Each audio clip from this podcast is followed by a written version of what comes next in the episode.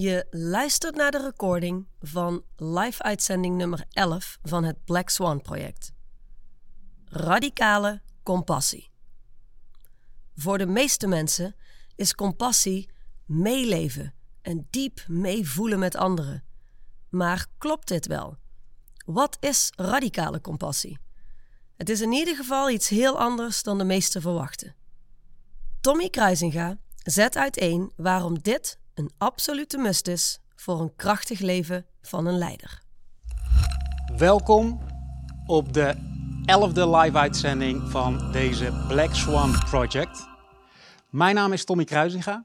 Ik ben straightline coach en het is aan mij vanavond de taak, maar ook zeker de eer om bouwsteen nummer 9 met jullie door te nemen en die uiteen te zetten in vooral de eerste 30 minuten van deze live-uitzending. En voordat ik op die bouwsteen ehm, ga komen, daar met jullie mee aan het werk ga, is het belangrijk om te weten dat wij vanuit die afgelopen 10 live-uitzendingen heel veel reacties hebben gehad. Waarbij veel reacties van mensen die ehm, laten weten wat voor meetbare resultaten ze kunnen creëren door aanwezig te zijn, daar dingen uit te pakken voor zichzelf. Het helpt ze vooral te focussen in turbulente tijden zoals dit. En het helpt ze om vooral te kijken naar wat zijn de dingen waar ik controle op heb. Dus dank jullie wel, blijf dat vooral doen. Uh, het is goed om te horen voor ons dat het pakt, dat jullie er iets mee kunnen. En aan de andere kant zijn er ook een aantal reacties gekomen. En dat is wel goed om even uiteen te zetten. Er zijn een aantal reacties gekomen van mensen die zeggen: hey, ik zie hier absolute waarde van in. Ik kan hier wat mee.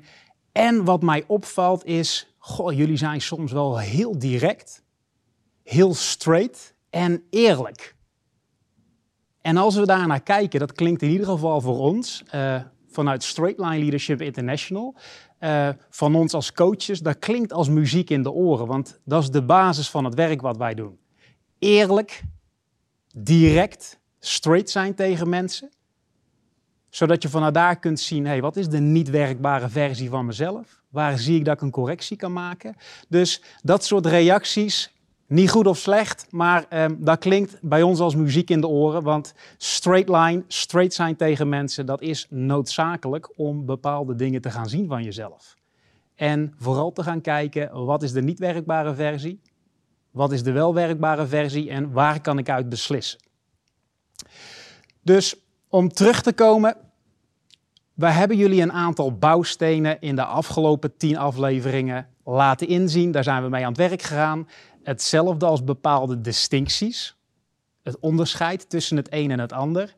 En wat er al vaker is teruggekomen en wat je wellicht al lang weet, omdat we dat regelmatig herhalen, is een bouwsteen of een bepaalde distinctie werkt alleen als je in staat bent het te pakken en ermee te werken in de fysieke realiteit. Het te kunnen installeren in jezelf of het te kunnen installeren in je bedrijf. Alleen dan is een tool, alleen dan is een bouwsteen iets wat waarde kan genereren. En dat brengt me eigenlijk op het volgende. Ik denk dat Johan dat al een keer eerder heeft terug laten komen. Als je kijkt naar um, de tools van een, van een vakman, een timmerman in dit geval, is aan de ene kant zijn schroeftol. Dus we kunnen noemen spijkers en hamers en hout. Maar laten we iets verder gaan, iets meer innoveren. Um, een hele werkbare tool voor een, voor een klusjesman, een timmerman, een aannemer is de schroeftol. En daarnaast de schroeven en daarnaast de gipsplaten, of in ieder geval het hout.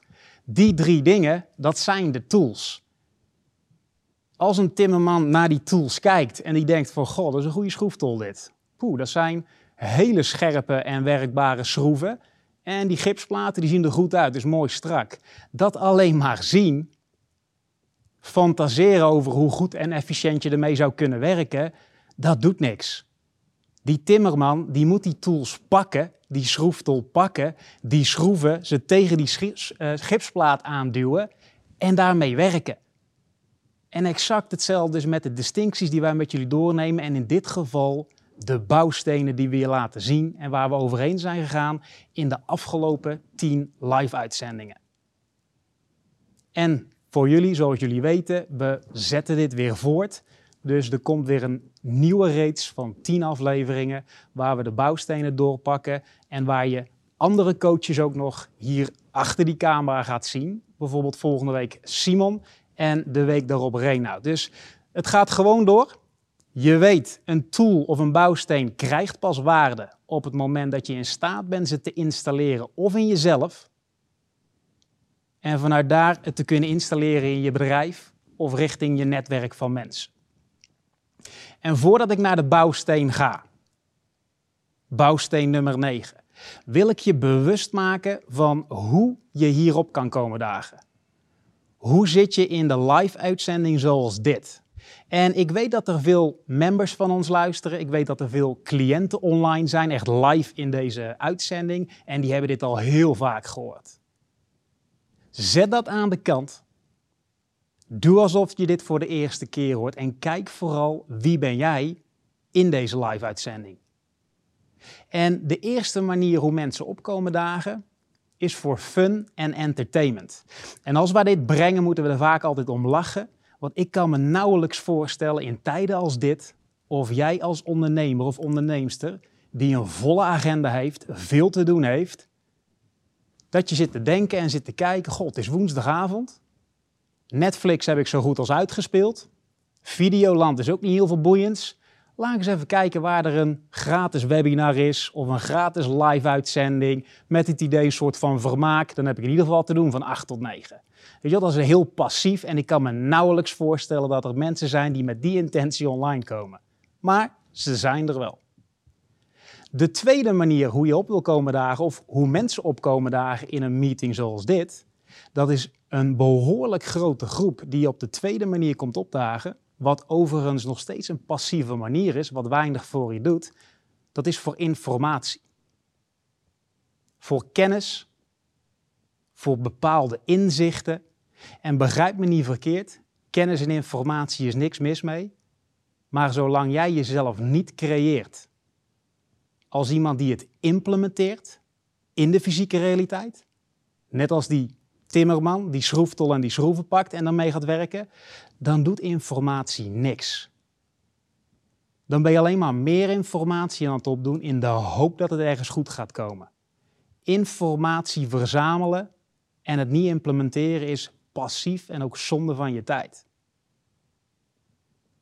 De derde manier van opkomen dagen, dat zou mijn verzoek zijn, niet van mij naar jou toe, maar vooral voor jezelf, om dit deel, deze live-uitzending en de komende live-uitzendingen, of de live-uitzendingen die al geweest zijn, echt laten renderen. Om veel waarde uit zo'n 30 tot 60 minuten te halen als dit.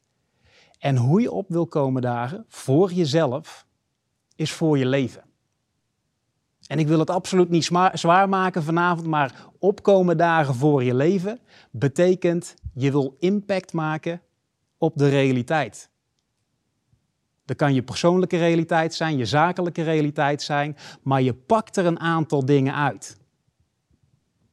Je implementeert, ze direct of in jezelf of in je organisatie en je werkt ermee. Dus mijn verzoek naar jullie zou zijn: kom op dagen voor je leven.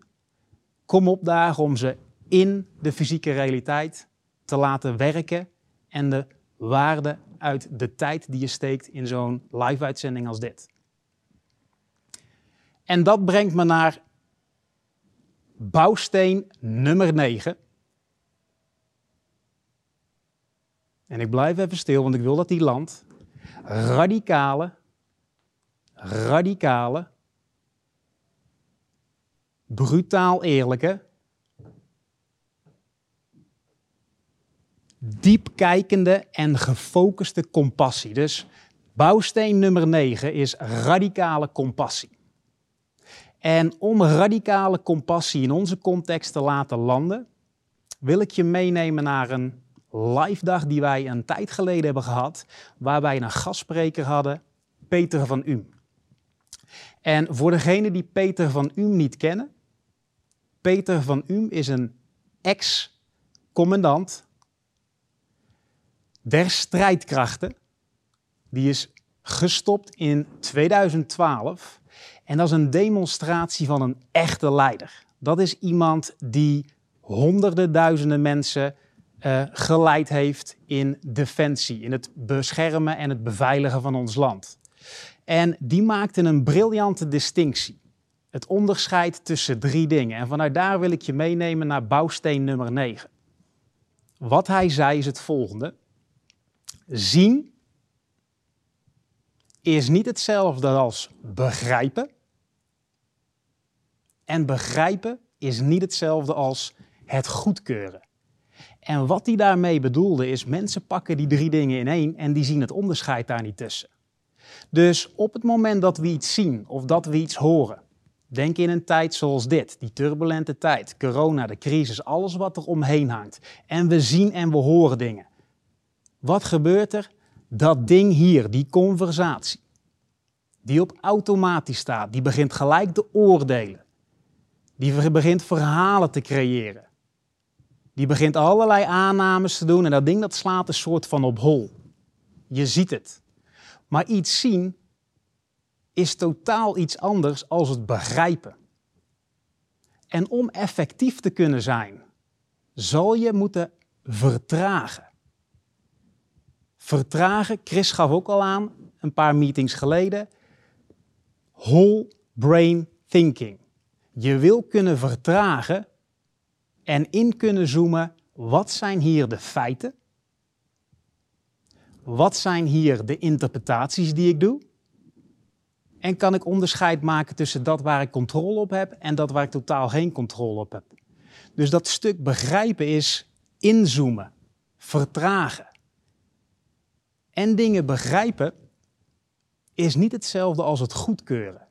Dus stel je bent in een gesprek met een medewerker, stel je bent in gesprek met een cliënt of met je compagnon. En vanuit daar komt die persoon met een aantal dingen en je zegt, ja nee, nee, ik begrijp je, ik begrijp je. En automatisch denkt de ander in het gesprek gelijk, oké, okay, fijn, dus dat is geregeld, dan, uh, dan is dit goed. Nee, begrijpen is niet hetzelfde als iets goedkeuren of iets goed vinden. Dus ik kan me voorstellen dat in situaties als dit je af en toe mensen wel gewoon kunt begrijpen. Je snapt wat ze zeggen. Je begrijpt ook de situatie waar ze in zitten. Alleen dat betekent niet dat je het goedkeurt of dat je het goed vindt. En in dat deel zit radicale compassie. Dat betekent, je ziet wie de persoon is, vanuit welke positie er gehandeld wordt, even los van dat wat je begrijpt als het gaat om omstandigheden en situaties. En je bent in staat iemand uit te nodigen of voor iemand zichtbaar te maken.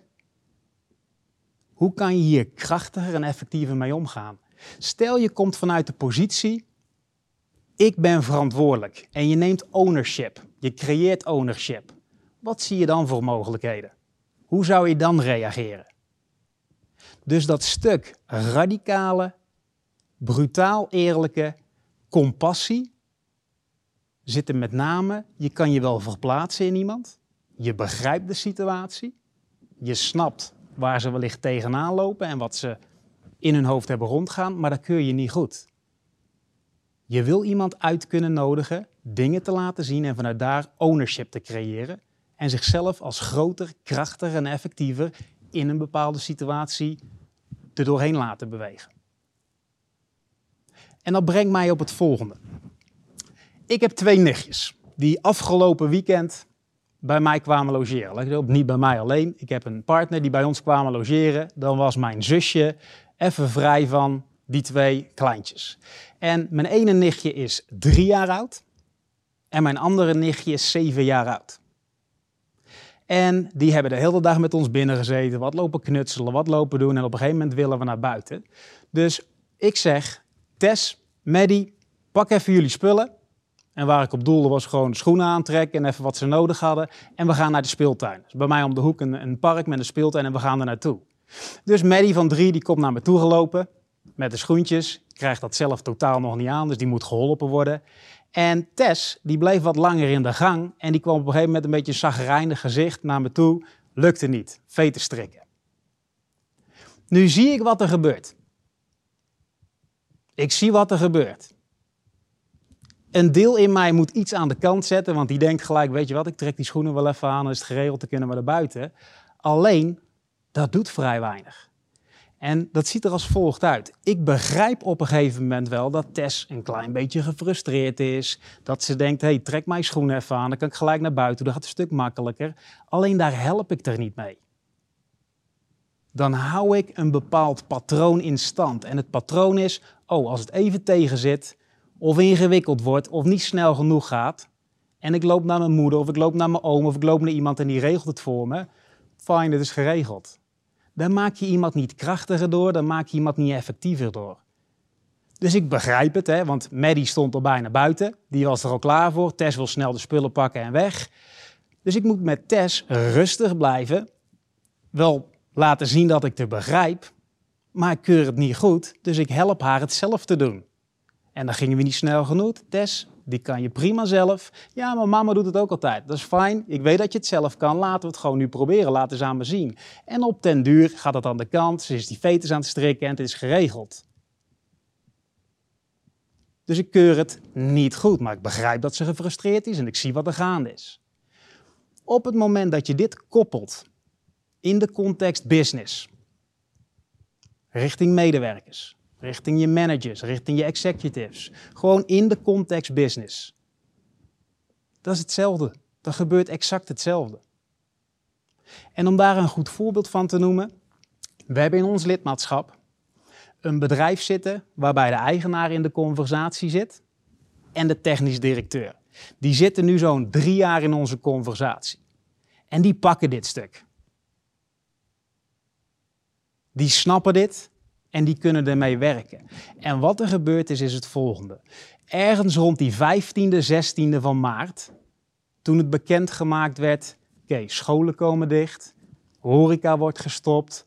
Op dat moment was er in hun bedrijf nog niet zo heel veel gaande. Zij hadden direct niet heel veel last. En de grootste bezorgdheid van de cliënt van ons programma was vooral productie kunnen blijven draaien. Dat was geen daling van omzet. Er stond nog genoeg werkvoorraad wat geproduceerd moest worden. Er was niks aan de hand. Maar zijn grootste bezorgdheid was het kunnen blijven draaien van productie. Dus de capaciteit. Met name de mensen die in de fabriek staan.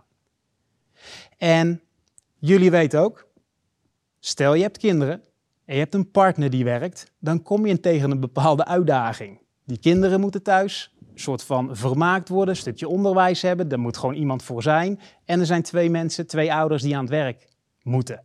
Of aan het werk zouden moeten. In deze situatie, 20 mensen in productie, waren er voor vier van deze medewerkers ja, een uitdaging. Die hadden hiermee te dealen. En je moet begrijpen, deze bedrijfseigenaar en zijn technisch directeur zitten drie jaar in deze conversatie. Dus daar is al een demonstratie van radicale compassie. En radicale compassie betekent niet dat je niet flexibel bent, dat je disrespectvol bent, maar je bent gefocust op iemands grootsheid. Wat iemand zou kunnen doen, wat iemand zou kunnen veroorzaken en welke verantwoordelijkheid iemand zou kunnen nemen. Dus daar is op gefocust. Daar wordt aan gewerkt, dat wordt geïnstalleerd in de mensen. En die maandag daarna, vier mensen komen in de loop der dag richting de technisch directeur zelf vanuit eigen verantwoordelijkheid. hey, wij komen uh, naar een probleem. We komen uh, in een probleem als het gaat om, ja, we willen blijven werken, we willen onze dingen doen. Alleen, ja, mijn partner werkt ook. Die kinderen die zijn de hele dag thuis. Nou zou je mee kunnen gaan. Nou zou je het kunnen begrijpen en denken, ja shit, wat moet ik hiermee? Alleen zij zijn al een langere tijd bezig geweest met radicale compassie en te focussen op hun grootsheid. Dus die mensen zelf komen met het voorstel richting de technisch directeur. Is er een mogelijkheid, want ik wil gewoon mijn productieuren blijven draaien, ik wil erop uit blijven gaan, gewoon alles draaiend houden. Is er een mogelijkheid dat ik om vijf uur s ochtends begin een shift draai tot 1 uur s middags. Daarna zo snel mogelijk naar huis ga. mijn partner aflos, want die is de hele ochtend met de kids aan de gang geweest en ze geholpen en begeleid. En dan pak ik het op en dan kan zij haar werk doen, vanuit huis of waar ze naartoe moet. En dat is iets wat gecreëerd is door heel bewust te zijn en te komen vanuit de positie radicale compassie. Iemand verantwoordelijkheid laten pakken, zelf na laten denken, kijken naar mogelijkheden in plaats van het voor ze op te lossen of te denken, ja, dit is de situatie en daar kunnen we niks mee. Dus je bent met name gefocust op volwassen volwassenen creëren door te komen als bedrijfseigenaar, als CEO, als directeur, als manager vanuit radicale compassie. Tuurlijk kan je jezelf verplaatsen in die situatie, dus je ziet wat er allemaal gaande is. Scholen gaan dicht, allerlei dingen zijn er gaande, regelgeving van RIVM, dat zien we allemaal. Maar in plaats direct te oordelen, in paniek te schieten, oh hoe gaan we dit oplossen, ben je in staat het te begrijpen. En je vertraagt, je kijkt naar de feiten, niet naar de aannames, niet naar de interpretaties van mensen. En je ziet de mogelijkheden wellicht, de opties die je hebt. Je snapt wat ze zeggen, maar je keurt het niet goed of je hoeft het niet goed te keuren. Iemand kan eigen verantwoordelijkheid nemen, mogelijkheden zoeken, ownership creëren en alsnog, los van omstandigheden, met een voorstel komen. Dat is een demonstratie van radicale compassie installeren in jezelf en vervolgens daar ook mee bewegen, werken, net als die timmerman met die schroeftol en die schroeven, in de fysieke realiteit. Dus in de wereld van business, in de organisatie en hier in het productieproces qua capaciteit. Dus dat is een prima werkbare positie en dat is een goed voorbeeld om bij stil te staan. Ehm, daarnaast brengt dat mij op de. Ja, het is niet echt een quote, het zijn een aantal statements van, van Duchan, die nog eens een keer wat dieper gaan als het gaat om radicale compassie. En die neem ik hier even kort met jullie door en dan ga ik daar weer op verder. Um, om bij jezelf nou goed te kunnen zien, hoe is dat bij mij, die radicale compassie? Of hoe, hoe is het überhaupt als het gaat om compassie? Wat hier staat is de vraag die je jezelf wilt stellen als leider of als persoon in je persoonlijke leven, als leider van je persoonlijke leven. Waar ben ik trouw aan? Dat is een belangrijke vraag om in te zoomen bij jezelf. Waar ben ik eigenlijk trouw aan?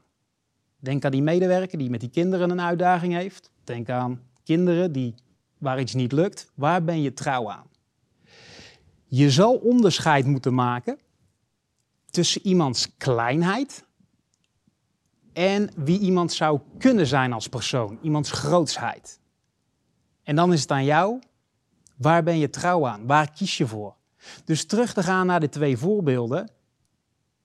Ben ik trouw aan de kleinheid van mijn nichtje? Weet je wat, ik los het wel weer op voor je, ik doe het wel weer, het gaat een stuk sneller. En je houdt een bepaald slachtoffer of niet werkbaar patroon in stand. Als het even moeilijk wordt, dan gaan we naar mama. Of als het even ingewikkeld wordt, dan laten we ons helpen. Is dat iets wat je in stand wil houden? Of ben je in staat trouw te zijn aan iemands grootsheid? Wie iemand zou kunnen zijn als leider, wat iemand zou kunnen doen als persoon, de mogelijkheden, de potentie die erin zit. En dan nog één stap verder. Trouw zijn, of loyaal zijn zou je het kunnen noemen, aan iemands slachtoffermentaliteit of kleinheid is onethisch. Het versterkt de bullshit. En mensen blijven daardoor vastzitten in die niet werkbare positie waarvanuit ze handelen. Denk aan de live-uitzending van afgelopen maandag. Dat patroon waar mensen in blijven. En ook niet uit kunnen kijken, omdat ze blijven wie ze zijn. Dus je wil heel goed kijken, oké, waar ben ik überhaupt trouw aan als ik kijk naar mijn medewerkers? Als ik kijk naar mijn kinderen, als ik kijk naar mijn partner. Is dat de grootsheid? De potentie, de mogelijkheden, de verantwoordelijkheidslevels die iemand kan pakken? Of is het meer de kleinheid? De redenen, de excuses, de verhalen die iemand heeft, waar ze in geloven dat het zo is. Dus dat is een hele belangrijke om naar te kijken. Dus je kunt je pas daadwerkelijk ergens in verdiepen als je dat onderscheid kunt maken tussen het zien niet direct oordelen en verhalen creëren, maar het te vertragen. Dus door het te vertragen wil je begrijpen wat is er gaande. Wat zijn de feiten? Wat zijn de controleerbare factoren? En dat begrijpen, dan kan je je verplaatsen in iemand, je kan erin meekijken, je snapt het. Maar dat betekent niet dat je het goed hoeft te keuren of goed vindt. En nodig iemand uit om krachtiger en efficiënter te kijken, om zichzelf op te reizen naar een krachtige positie om vandaan te komen of een krachtig fundament. Alleen dat moet je wel zichtbaar kunnen maken. En er is een hele belangrijke bouwsteen. Je zal brutaal eerlijk moeten zijn. Eerst richting jezelf en ook richting de ander. En brutaal eerlijk is, wat ik net zei, niet disrespectvol of gemeen, maar gewoon je zegt waar het op staat om iets zichtbaar te maken.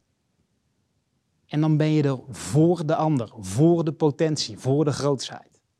En in die context wil je radicale compassie zien. Dus je zou een soort kunnen zeggen iets van inlevingsvermogen, alleen niet alleen maar het inleven en het zien, maar vanuit daar iemand groter en krachtiger kunnen maken. Uit te nodigen. En iemand te laten zien, wat zijn hier de redenen en excuses en wie zou je zijn als je dat aan de kant zet. Dat is radicale compassie richting anderen. Dan is er ook nog radicale compassie richting jezelf richting jezelf. Het is altijd makkelijker om bij iemand anders te zien en tegen iemand anders te zeggen. Eerst wil je het zelf ownen, eerst wil je het zelf demonstreren en vervolgens kan je het richting anderen demonstreren. Dus als je kijkt naar radicale compassie richting jezelf, dat brengt mij nog steeds op die briljante vraag, die hele werkbare vraag is: oké, als je dan kijkt naar jezelf, waar ben jij trouw aan? Ben je trouw aan je gevoelens, je gedachten, je verhalen, je aannames? Of ben je loyaal of trouw aan wie je zou kunnen zijn als leider? De mogelijkheden en de groei die er is. Waar ben je trouw aan? En dat matcht ook weer perfect met die bouwsteen onredelijk kunnen zijn. Want onredelijk is ook niet gemeen zijn of beter weten. Nee, het is ijskoud kunnen zijn, op kunnen merken wat zijn hier die conversaties die ik heb draaien, wat vaak interpretaties zijn, wat zijn die gedachten die ik heb. En kan je daar nee tegen zetten? Kan je dat aan de kant zetten? Dus als je radicale zelfcompassie hebt, ben je vooral in staat de grootsheid en de mogelijkheden bij jezelf te creëren en vanuit daar groter, krachtiger en effectiever te zijn, los van al die gevoelens, gelijk willen hebben en verhalen die er gecreëerd worden. En ook daar heb ik een mooi voorbeeld van vanuit onze conversatie, iemand waar wij mee werken. Een ondernemer die in de foodproductie zit, niet het food wat hij aan het produceren is, maar de machines die dat maken. En die kwam precies op datzelfde 15, 16 maart, wellicht een klein beetje daarvoor al. Oké, wat ik ga doen, is ik zie het aankomen. Mijn productieproces moet blijven draaien. Die hele intake met werkvoorraad staat vol. De grootste bezorgdheid is ook gewoon niet de capaciteit hebben, want we kunnen leveren en we kunnen doen. Dus die begint heel snel te schakelen. Vanuit daadkracht, vanuit precisie. En wat hij gedaan heeft is het volgende. Zijn bezorgdheid was: oké, mijn grootste toeleverancier van metaal en materialen en producten zit in België, Frankrijk. Als daar een volledige lockdown is of komt, heb ik geen toevoer meer van materialen. In dit geval staal en al dat soort dingen. Dus die heeft direct voor 200.000 euro aan materiaal ingekocht. Zodat daar in ieder geval geen, geen hinder in zit. En dat zijn materialen waarvan die sowieso weet, dat komt wel op. We hebben geen idee hoe snel, maar dat zijn gangbare materialen. Maar dan kan ik ermee door. Dan kan dat in ieder geval doorgaan. Dat is de eerste beslissing die hij neemt. Vanuit daar heeft hij te maken met regelgeving. Denk aan de afstand, denk aan de hygiëne en de veiligheid. Dus er zijn direct drie shifts gemaakt. Normaal is het bedrijf open van 7 tot 6 of zo. Dat ding draait nu 24 uur per dag. Die heeft naar zijn medewerkers in productie gekeken, drie shifts gemaakt. Ochtend, dag en nacht. En die laat hij roleren, zodat in ieder geval de afstanden goed zijn, de hygiëne en de veiligheid in orde is. En vanuit daar ook dat door kan gaan. En als laatste stond er een grote machine in bestelling op de nominatie om in te investeren en te laten landen. Die wil hij nog steeds en die heeft hij naar voren kunnen halen. En de reden dat hij dat gedaan heeft is, daar ziet hij mogelijkheden in. Want die machine in augustus laten installeren of hem nu naar voren halen. Tom, ik denk dat ik 10, 15 procent van de prijs af kan halen. En dat scheelt me toch ook weer. Dus die bestelt voor 200.000 euro materiaal, omdat hij weet, dan kunnen we door blijven produceren. Die maakt die shifts in netwerk van mensen, dus zodat ze allemaal aan de eisen en de regels voldoen. En die denkt, hey, ik kan hier een soort van een voordeel uithalen. Ik haal die machine eerder naar voren en wellicht kan ik daar een korting op halen, omdat ja, het nu daar ook zo'n soort van stil ligt in de verkoop van dat soort grote producten en machines.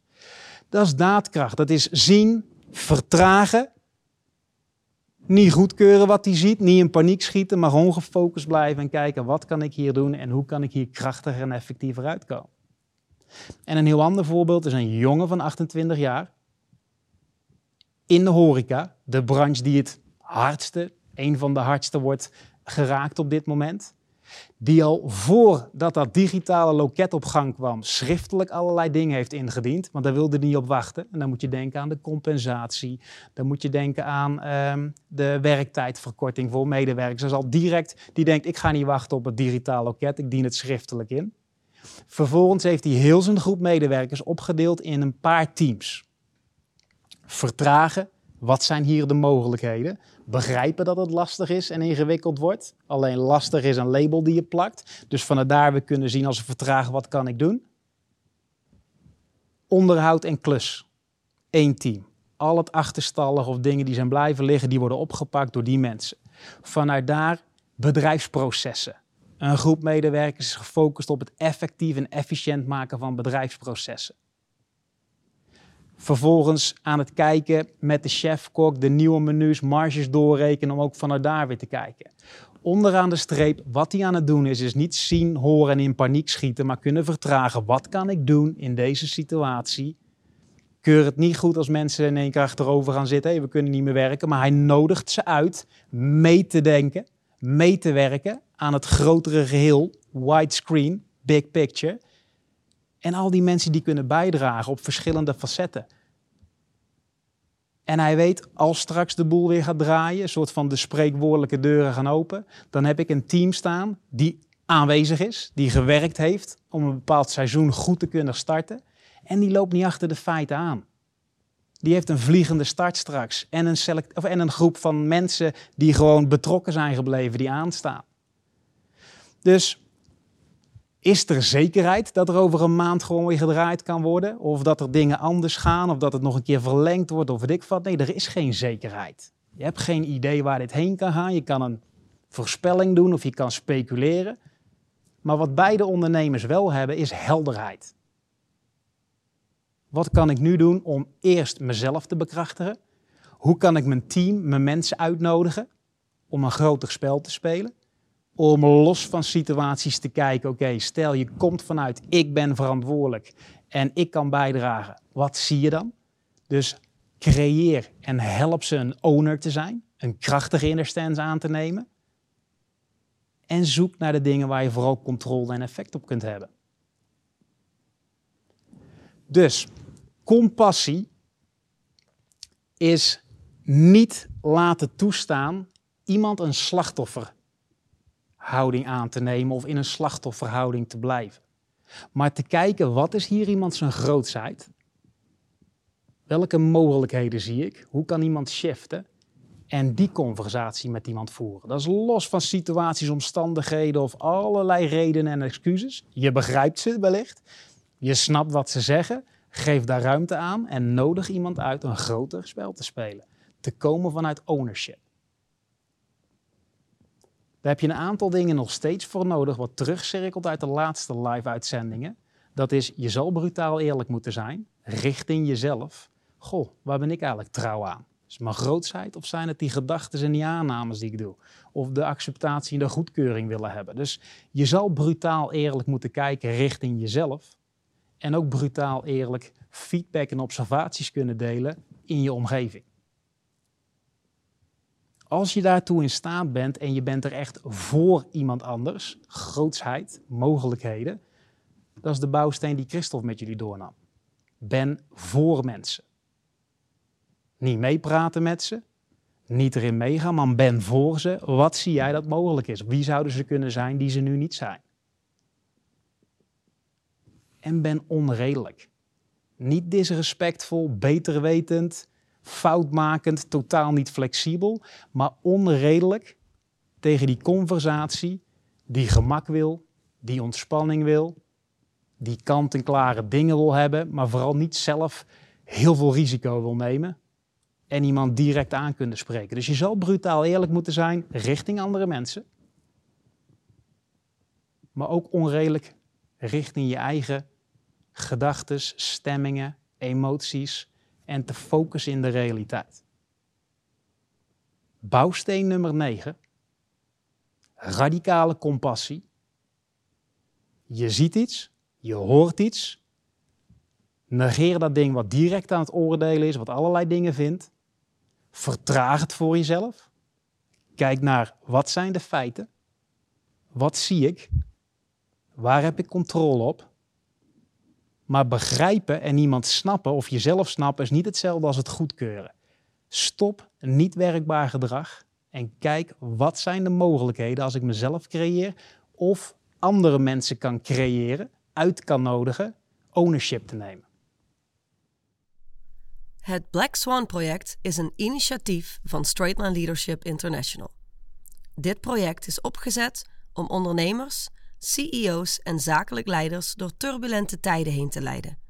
Voor meer krachtige tools en heldere inzichten rondom leiderschap, ga naar thrive.eu.